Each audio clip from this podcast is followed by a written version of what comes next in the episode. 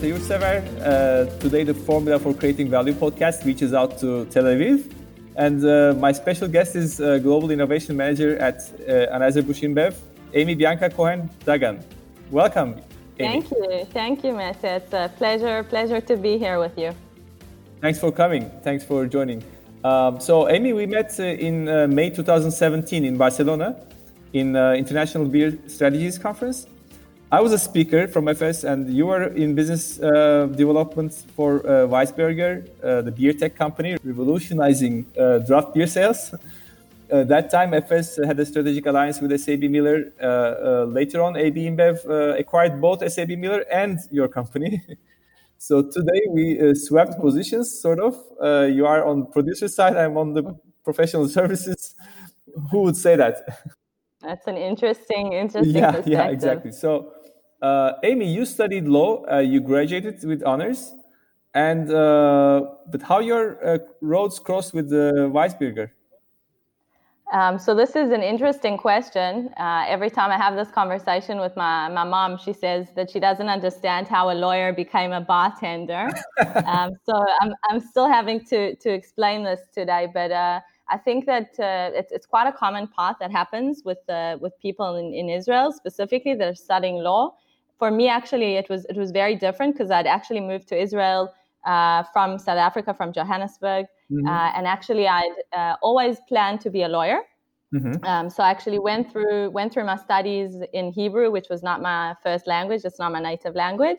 Mm-hmm. And when I finished studying and I'd moved on to, to a law firm, I dealt with like mergers and acquisitions and uh, and, and corporate law, I actually realized after many years that actually this was not the, the path that I wanted to take, that it wasn't aligned with my, my personal uh, uh, kind of values of, mm-hmm. in terms of what I think I bring to the table. Mm-hmm. Um, and, and interestingly, I, I kind of started reaching out to, to the ecosystem. Israel's very, very well known for innovation, uh, very mm-hmm. strong ecosystem in mm-hmm. terms of, you know, uh, patents per capita. I think we're the highest in the world today.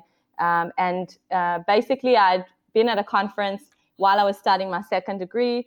Uh, kind of came up to this very strange looking stand that had like a, a draft beer uh, stand of one one beer tap and a little screen showing some numbers. Mm-hmm. And I was like, you know, what what is this interesting, strange creation? And and I came to to know of this very very small startup of about eight people mm-hmm. in Tel Aviv, basically learning, uh, uh, trying to bring data to the to the beer industry. Mm-hmm.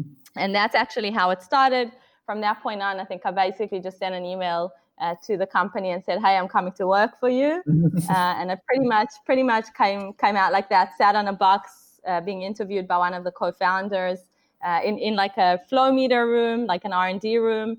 Uh, mm-hmm. and and basically, like I say, the rest was history. So that was pretty much uh, one of those things that you know, just kind of a luck and an opportunity and timing uh, that just kind of came came together. Uh-huh, uh-huh, great. So as you mentioned, I mean, like Israel is uh, one of the largest startup ecosystem in the world. Uh, I read an article actually. Uh, the the guy was saying um, the country seems to be on a continuous adaptation mode uh, when it comes to facing challenges, uh, be it climate, um, political demographics, and everything. So creating this creates an, a right environment for innovations. I don't know why this ha- doesn't happen uh, for Turkey, but we are pretty much in the same uh, situation, let's say. And it's definitely it's, it's a part of you know it's a, it's a very deep ingrained part of the culture here, and I think you can really sense that even from a very young age. Mm-hmm. Um, I think that that's that's something like you said, kind of adapting to to, to challenging circumstances. You know, if you look at kind of uh, the politics and the history of the country, mm-hmm. um, so it's it's something very much within the within the culture and within the the DNA of the people here, and and I think it's quite an amazing thing. And you know, even just in in the situation of COVID and seeing you know the adaptability and agility of companies to pivot their business strategy mm-hmm. uh, to basically deal with and address the the new challenges was also kind of a very uh, a good testament to seeing that. So mm-hmm. very, mm-hmm. very, very cool. Great. So uh, coming to the, um, on the business perspective, so the AB InBev uh, acquisition. Uh, so in January 2018, uh, WeissBeerger was sold to AB InBev, right? And how things uh, have changed that time? Um, so, so it was actually uh, just from the kind of behind the scenes perspective, it was a very interesting time for me. Um, so I was actually kind of leading a big part of the, the deal from a due diligence perspective from the company. I had kind of the legal background. And you know, leading up to the acquisition, you know, AB InBev had been one of our uh, kind of the biggest strategic customer uh, at the time, mm. um, and it was something that was communicated in terms of you know this is like a strategic partnership that we see you know going going in different directions, and uh, you know I think that there was really strong good communication on the part of the leadership to to share kind of that that with the team. You know, guys, this is something that could happen. Mm-hmm. Um, so so from our perspective, you know, it was very very exciting, very intense uh, time. Uh, and I think before any kind of acquisition, you know, there definitely like some concerns and some doubts, and you know, how are things going to change? What is, you know, what's this company going to look like? What's the strategy going to look like? Mm-hmm. Um, but I think you know, one of the the clear things from the beginning was that you know, leadership, the, the AB InBev leadership had been, you know, many times to visit and, and really worked in close kind of hand in hand partnership with us. Mm-hmm. So at WeissBeerger. So I think that you know we, we knew that we were kind of going in with the right partners we knew that we had the same values so i think from that perspective you know it was very you know a, a good uh, a good uh, union mm-hmm. um, and, and a really really interesting experience that was in terms of kind of leading up to the acquisition um, and following the acquisition also i think i had a very unique perspective um, i actually gave birth uh, in the time mm. when the company was acquired pretty much in the same month So uh, I gave birth to, like I say, to two children. Um, and and when I came back from my maternity leave, um, after a couple of months, I actually uh, was extremely uh, pleasantly surprised, I would say, mm-hmm. Uh, in terms of how, how brilliantly the company, you know, WeissBeerger had managed to keep intact uh, you know, in terms of in terms of the the direction of the company, uh, the vision of the company, mm-hmm. uh, and there was kind of a lot of freedom mm-hmm. in that sense, freedom and independence. Mm-hmm. On the other hand, I think that there was, you know, a lot was gained in terms of like focus and you know focus in terms of like geographical coverage and and you know product focus. Mm-hmm. Um, and and really, I do think that kind of we gained the best the best of both worlds uh, mm-hmm. from that perspective. So great, uh, yeah. And then how you joined uh, InBev crew? So, so this is, uh, I would say, about something about a year ago. I started to kind of think, you know, uh, I'd been been with WeissBeerger for about four years. Uh, you know, I'm somebody who who really is always constantly looking to challenge myself, constantly looking to learn and to grow. Uh, and I felt that you know at that at that point that I'd kind of reached uh, reached a, a, certain you know uh, plateau in terms of you know where what I think I can contribute and and mm-hmm. and and get. And at that point, actually, um, which which connects with the WeissBeerger story, AB InBev started to acknowledge um, the strength of the ecosystem and, and the, the power of the technology here. Mm-hmm. Uh, and and at that point, um, they kind of started to, to to increase activities. So a couple of things happened. Um, we actually opened a cyber team here. One of our global VPs uh, mm-hmm. uh, was actually uh, here and, and, built up a team here of cyber, internal cyber team. Mm-hmm. Um, our VP of, of global architecture and data, who had actually was the CTO of WeissBeerger, had moved on to AB InBev to actually lead the entire architecture and, and organization of data for mm-hmm. the entire uh, company. Mm-hmm. And um, then we we started to build this team, which is the team that I'm a part of, the mm-hmm. Global Tech Innovation Team, mm-hmm. um, which basically deals with open innovation. So it was it was kind of a matter of uh, I would get I would say kind of timing and, and good luck, mm-hmm. uh, and you know uh, me kind of looking for my next opportunity and i was like you know what i'm going to go into maybe mobility or something else i'm going to leave the beer industry uh, and i landed up sticking with it uh, beer makes people happy it brings people together uh, so it was a tough industry to leave. Sure. Um, so yeah, I, that, I that's pretty much the way it happened. I know. you know, you know, you know. right. So uh, great. Tell us a little bit uh, about, let's say, the the innovation approach uh, of uh, InBev. So every company claims that uh, they innovate to satisfy customer needs, right? in a better way. so, but not all in- innovation faces the customer. So why does AB InBev innovate? I mean, or is there a uh, sort of an allocation uh, of resources uh, in between these, um, increasing the top line or increasing the bottom line? So, so I think that's a great point. Um, but, but truly, I think that uh, you know, just to to connect to to what I said before about bringing people together, I think uh, you know the true mission and the dream of the company is to bring people together. Mm-hmm. Um, our our tagline is bringing people together for mm-hmm. a better world. Mm-hmm. So, so truly, people are at the center of everything that we do. So it's at mm-hmm. the center of everything we do uh, when it comes to innovation, when it comes to the core business. Um, so, so uh, I think it is more than more than uh, let's say just a, a, tagline from that point of view. Mm-hmm. Um, but but for sure, it's not only uh, you know to me it's it's not only about satisfying customers' needs, mm. uh, but it's actually also about anticipating them, right? So one mm. of the things that we talk about a lot is you know uh, if you hear our CEO Carlos Brito. Uh, who talks about you know staying ahead of the curve, right? And, and mm-hmm. in order to stay ahead of the curve, we not only need to give them what they want today, we need to give them what they're going to want, and they right. may not know that they want today. Mm-hmm. So so that is definitely something, and I think that innovation plays a huge part in that and being able to anticipate and predict. And we talk about kind of analytics and AI and and, mm-hmm. and those type of things. Mm-hmm. Um, uh, and especially like if you look in in, in today's uh, in today's constellation, you know, we see consumer needs completely changing, right? Mm-hmm. So people are talking a lot more about health and wellness. People are, are you know celebrating a lot more in-home occasions, mm-hmm. and and there definitely is that need to adapt, mm-hmm. and and technology plays a huge part in that. Mm-hmm. Um, but but like to your point, a lot of you know innovation is also back end, right? So mm-hmm. it's it's more like what you're talking about. If we look at the entire value chain. Uh, we actually look we see innovation as, as a part of that entire value chain so mm-hmm. you know we have huge opportunities to innovate uh, on the agriculture side. Mm-hmm. Uh, of course, we deal with grains and crops. Mm-hmm. Uh, so we, we do some amazing work around that, and you know uh, that also helps to, to achieve some sustainability goals. Right. Uh, you know, supporting farmers and, and things things to that extent. Mm-hmm. Uh, you know, it also plays a part in how we source. Mm-hmm. So there's there's a whole element of kind of procurement, mm-hmm. and of course, you know, one of the huge focus areas for us is is also in the supply chain, right? Mm-hmm. Innovation in the supply chain. It has the power to to actually just to, to your point to to you know of course it, in a cost efficiency perspective, right? Like optimization of process, right? Um, and actually some interesting uh, top line opportunities mm-hmm. uh, as well that I can't talk too much about. But uh, but but from that point of view, and I think another element for us is you know always just looking at, at our kind of um, you know customer base. So so we actually see uh, the customer that you mentioned is, is the B2C, but actually a big part of our business or the bigger part of our business is the B2B mm-hmm. base. Mm-hmm. Uh, so, so we're serving businesses and, and, you know, in terms of just looking at innovation from a supply chain perspective, mm-hmm. you know, one of the huge uh, pieces that we can always improve is service levels. And there's a lot around, you know, how we can improve kind of our service to our, our customers. So, so that's kind of to, to that. Uh, and we're, we're constantly balancing. I wouldn't say there's, there's a kind of an allocation mm. between top line and bottom line. Uh, we definitely, uh, you know, depending on, on kind of the, the situation that we're dealing with, but we're definitely always, you know, trying to find that balance between kind of more immediate or shorter term cost savings versus, again, staying ahead of the curve, thinking about what's that next be- big thing that's going to uh, help help to grow the company. Mm-hmm.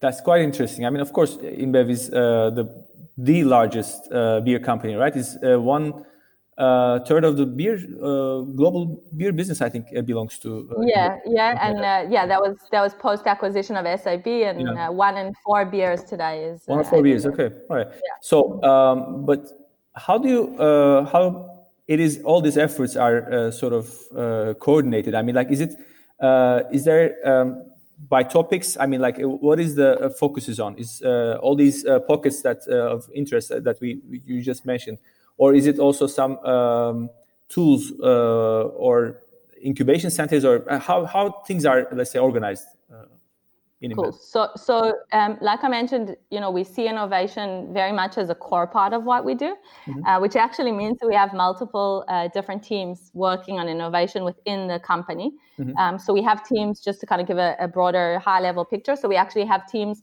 uh, both on the, the global and the more local, what we call the zone level. Mm-hmm. Um, and, and we have teams actually that are working both within the r&d and the solutions which we call solutions organization mm-hmm. as well as actually in the functional areas so we have i would say uh, innovation arms kind of spread out across really you know making sure that we get a hold of, of the different parts of the business mm-hmm. um, where typically different teams would cover different uh, areas so you kind of mentioned you know which teams are doing what mm-hmm. so so we have uh, you know different teams let's say maybe co- covering different functional areas mm-hmm. uh, or different you know uh, types of innovation or things like that Mm-hmm. Um, but but it's definitely a challenge. So I think that you know that's one of the, the big challenges for any any big organization that's uh, you know innovating mm-hmm. to make sure that you don't duplicate efforts, which is mm-hmm. is always a big thing. You know, so so that requires a lot of uh, kind of syncing, alignment, visibility. Right. Uh, and as a global team, we we play a big part in that. Mm-hmm. And it also requires kind of that constant looking forward and saying, okay, how are we going to scale this? Mm-hmm. Um, because essentially, you know, for for innovation to really have an impact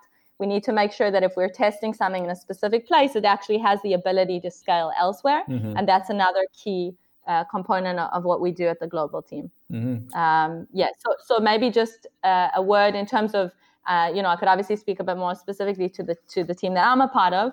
Mm-hmm. Um, so what we're actually focused on is is what we call open innovation. Mm-hmm. Um, so we're looking more at, uh, you know, either partnering with uh, external companies, mostly startups, mm-hmm. uh, for specific uh, business needs and challenges. Mm-hmm. Um, it could actually either look like a partnership or a pilot or a POC. Mm-hmm. Uh, obviously, you know, with, with the with the end goal of having some kind of a commercial agreement, and it could also be a joint venture uh, to that extent. And we mm-hmm. actually do also have an element of build.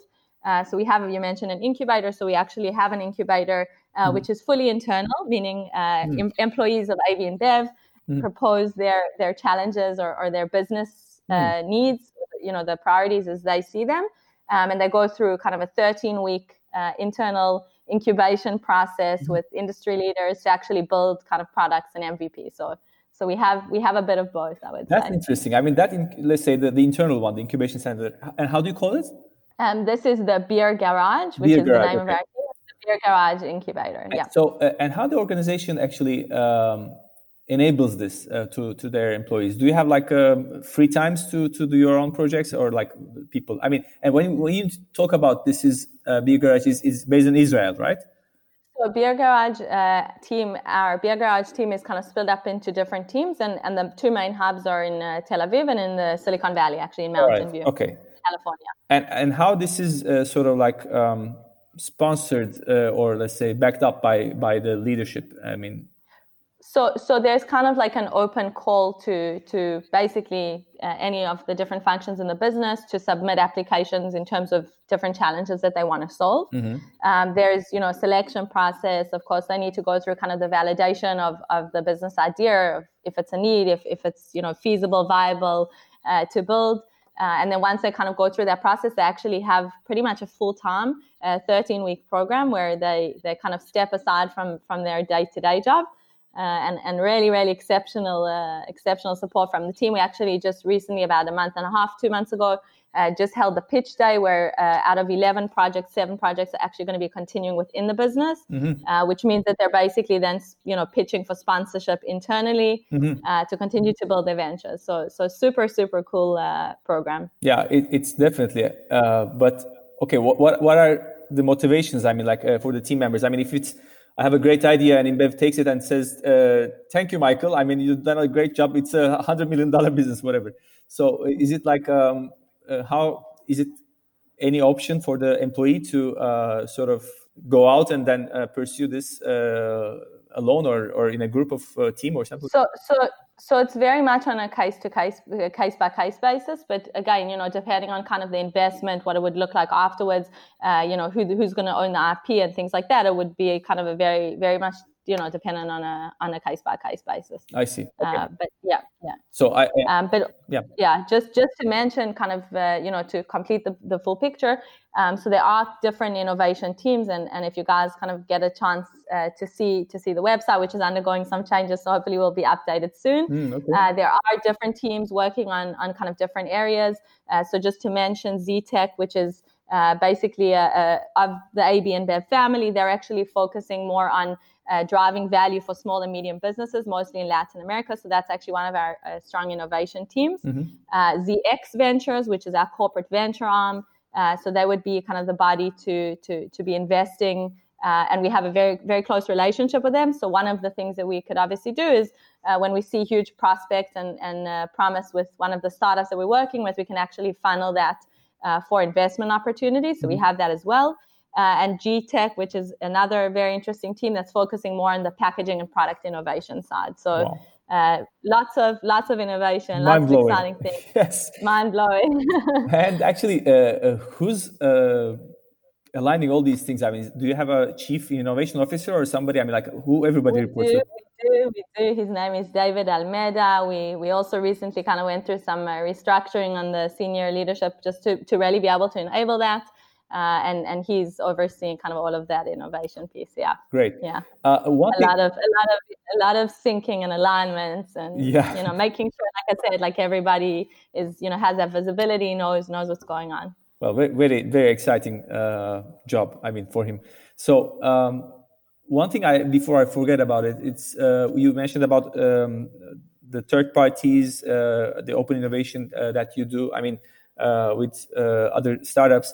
And what is the mechanism for that? I mean, how do they come? Is it like do they have a incubation center looking out? I mean, something like this, or so, so we we typically work in we like to call it a pull and a push. Mm-hmm. Uh, so the pull would be, um, you know, we get some kind of a reach out or a need from one of our stakeholders that we're working closely. So it could be the global director of transportation logistics. Mm-hmm. Uh, hey, Amy, I have a problem. Can't solve this. We need to find a better way to do that. Uh, and, and we would kind of get that reach and get that what we call a brief mm-hmm. uh, or problem definition. Uh, and then we would go um, kind of, you know, having a stronghold on the ecosystem, we would then go and, and, and source for a solution for that uh, specific problem. Mm-hmm. So that's more what we call kind of the pool.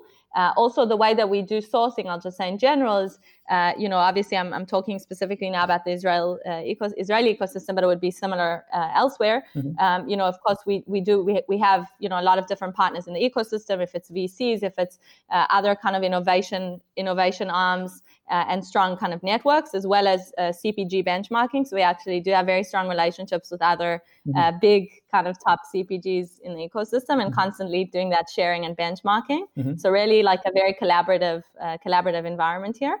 Um, so that's in terms of the pull, and then in terms of the push. Um, you know, we would sometimes come with with interesting opportunities. So, for example, uh, I did a recently, I kind of did an interview. Somebody had seen that interview uh, and reached out to me and said, "Hey, you know, I can see you're leading in something mm. at IBM You mentioned something about supply chain optimization. I've got a company. This is what we do, mm-hmm. uh, and actually, we're, we're running a pilot already. So, mm. uh, you know, in terms of in terms of that, we also getting kind of reached out. In terms of the specific mechanism, um, not not kind of a platform. You know, there's something that we, we're talking about and working on. Mm. you know, if it makes sense to have some kind of a platform um, but I think we're pretty easy to reach. Right. Um, so anyone that, that, wants to get to us can get to us. We're pretty responsive. Uh, so so yeah. So from that perspective, that, so a pull and a push. Yeah. Uh, to make sure that we're constantly also, you know, on top of what are the industry trends. We're reading thought leadership. You know, we're we're attending conferences. We're again making sure that we're on top of the next big thing. Maybe uh, now that you mentioned that, let's talk about this. I mean, do you have like a sort of an insight platform uh, that you use uh, to uh, have this to read these weak signals or to catch these weak signals? So we read. I would say we read multiple different sources, um, not one inside platform per se at all. Mm-hmm. Um, you know, we read kind of you know the big the big consulting firms, the McKinseys, and and those kind of reports. Um, when it comes to uh, you know, like I said, it's mostly I would say more of a qualitative you know discussions versus like a specific one platform that we're using to to do this. Uh-huh. Okay. Um, so call it more intuition based. All right, best way.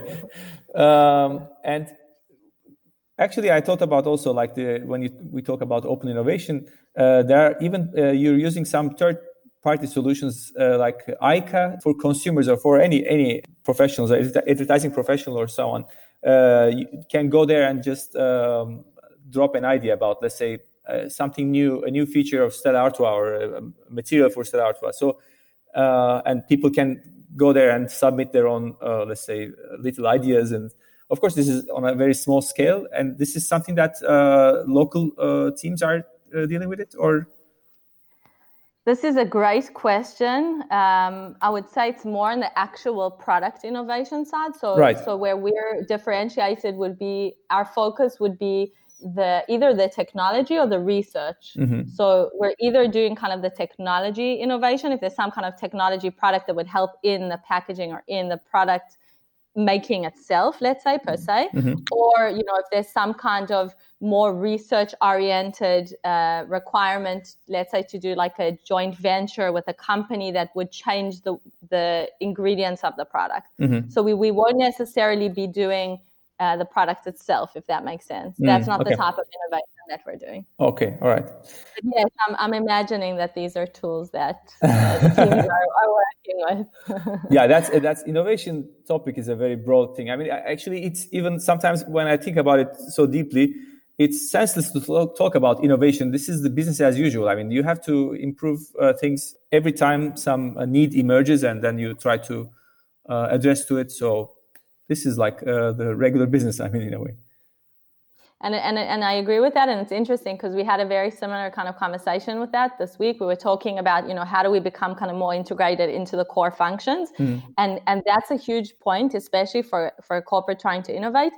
You know, I think when, when, you know, innovation teams see themselves as something completely separate, our ability to really impact and, and, and, you know, drive kind of buy-in from from our functions who are essentially the stakeholders who are essentially the people that we're trying to help you know and support in, in their work mm-hmm. uh, you know i don't think it, it, it, will be effective and really it's it's like you said it's this mindset of innovation is a part of what we do and mm-hmm. and it's not kind of a separate stream and i think that's right. also one of the reasons why we build uh, our teams the way that we build is that we have innovation people who are kind of part of these core teams and, right. and that's the mindset that we're trying to drive and I think, uh, you know, one of our big challenges in our kind of anyone who's in an innovation position is, you know, we can bring the best technology, but if if you don't want to adopt it, like it right. has not, no meaning and no impact and, and means nothing. So, uh, so that's that's a key key component. What you what you that's mentioned. exactly. I mean, like uh, the mindset I'm uh, trying to let's say advocate in a way in, in Turkey, whatever. So it's just this this sort of diversity and just uh, working together, uh, this this collectivity, uh, sort of like design thinking uh, principles uh, overall. I, I think uh, InBev does it again without naming it, but just following the you know obvious rules of it, I guess. Yeah. Um, so um, yet there is an effort, and it has to be monitored. It has to be measured. how do you do that? I mean, like, what are the metrics for you?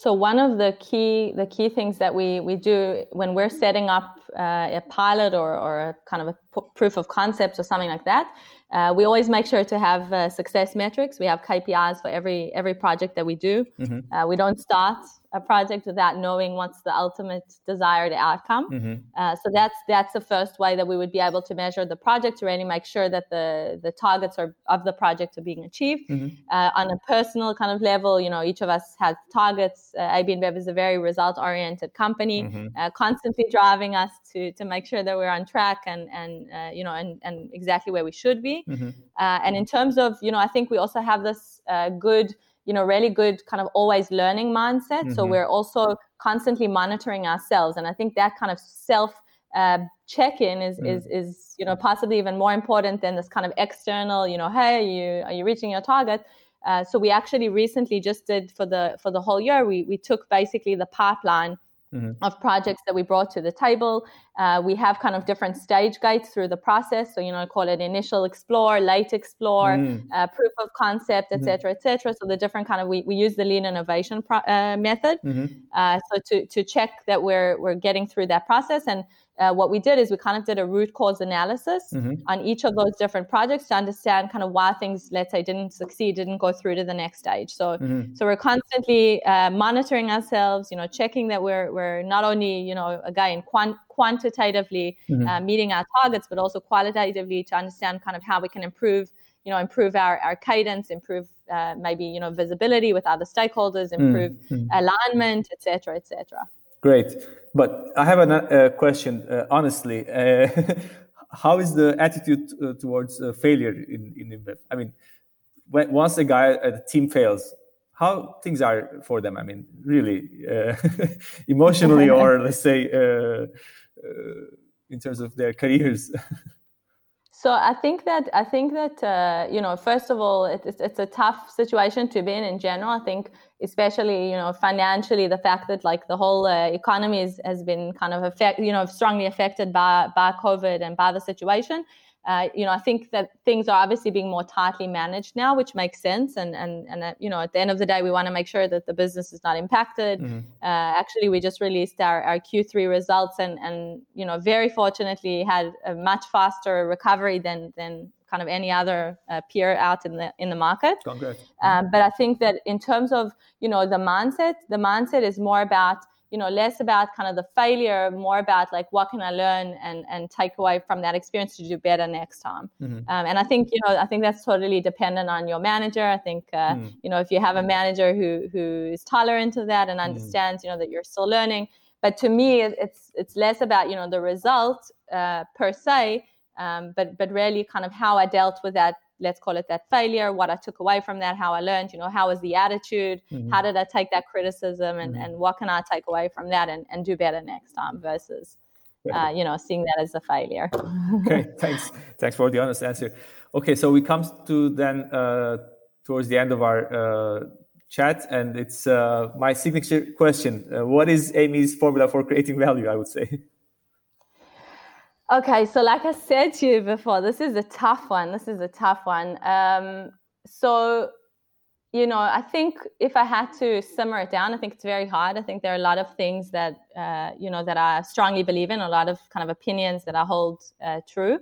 But I think that if I had to to say kind of one or, or two small things, I think uh, to understand the value that you bring to the table mm-hmm. uh, and to have a very honest conversation with yourself mm-hmm. um, because that's something that i think took me a couple of years i think for a couple of years and i'm still relatively i would like to call it in the beginning of my career uh, i think that uh, you know for a couple of years it, it, took me some time to really have like an honest conversation with myself what am i really good at you know where are my true strengths mm-hmm. Uh, and, and to grow from that and to understand where you add value mm-hmm to have that kind of accounting of you know what are my strengths what are my weaknesses mm-hmm. and an understanding that you don't have to be good at everything mm-hmm. and mm. that's fine like if i'm going to be that person that is you know a strong kind of connector you know at building relationships at opening the doors at bringing in the opportunities then that's the, the part that i need to play in the team mm-hmm. so i mm. think you know having kind of that understanding of yourself uh, and and being humble and curious like i think for me in, in my in my career i've seen that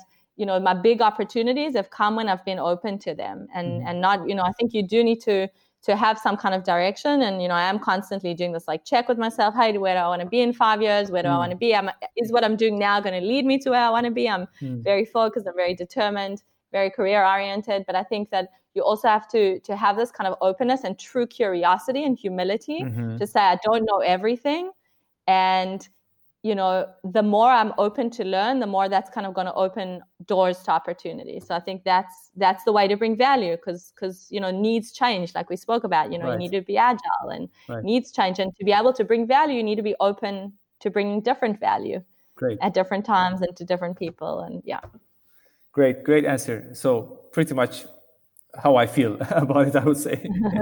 and by the way, you're, uh, I'm 50, and uh, uh, that so, sort of search and let's say wandering uh, never ends. So, what am ah, I? Good to know. so, you don't you don't have to uh, worry about settling it.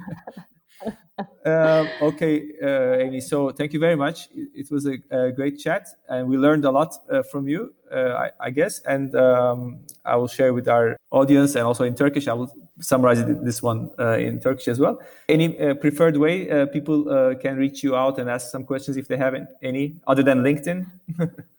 Uh, so, so LinkedIn is a great one for me. I'm super uh, responsive. I spend some good time. It's a, it's a great way for me to actually reach out to a lot of companies through LinkedIn. Uh-huh. Uh, so LinkedIn's a great way. Uh, we could we could share an email. Um, yeah, amy.dagan at abnbev.com.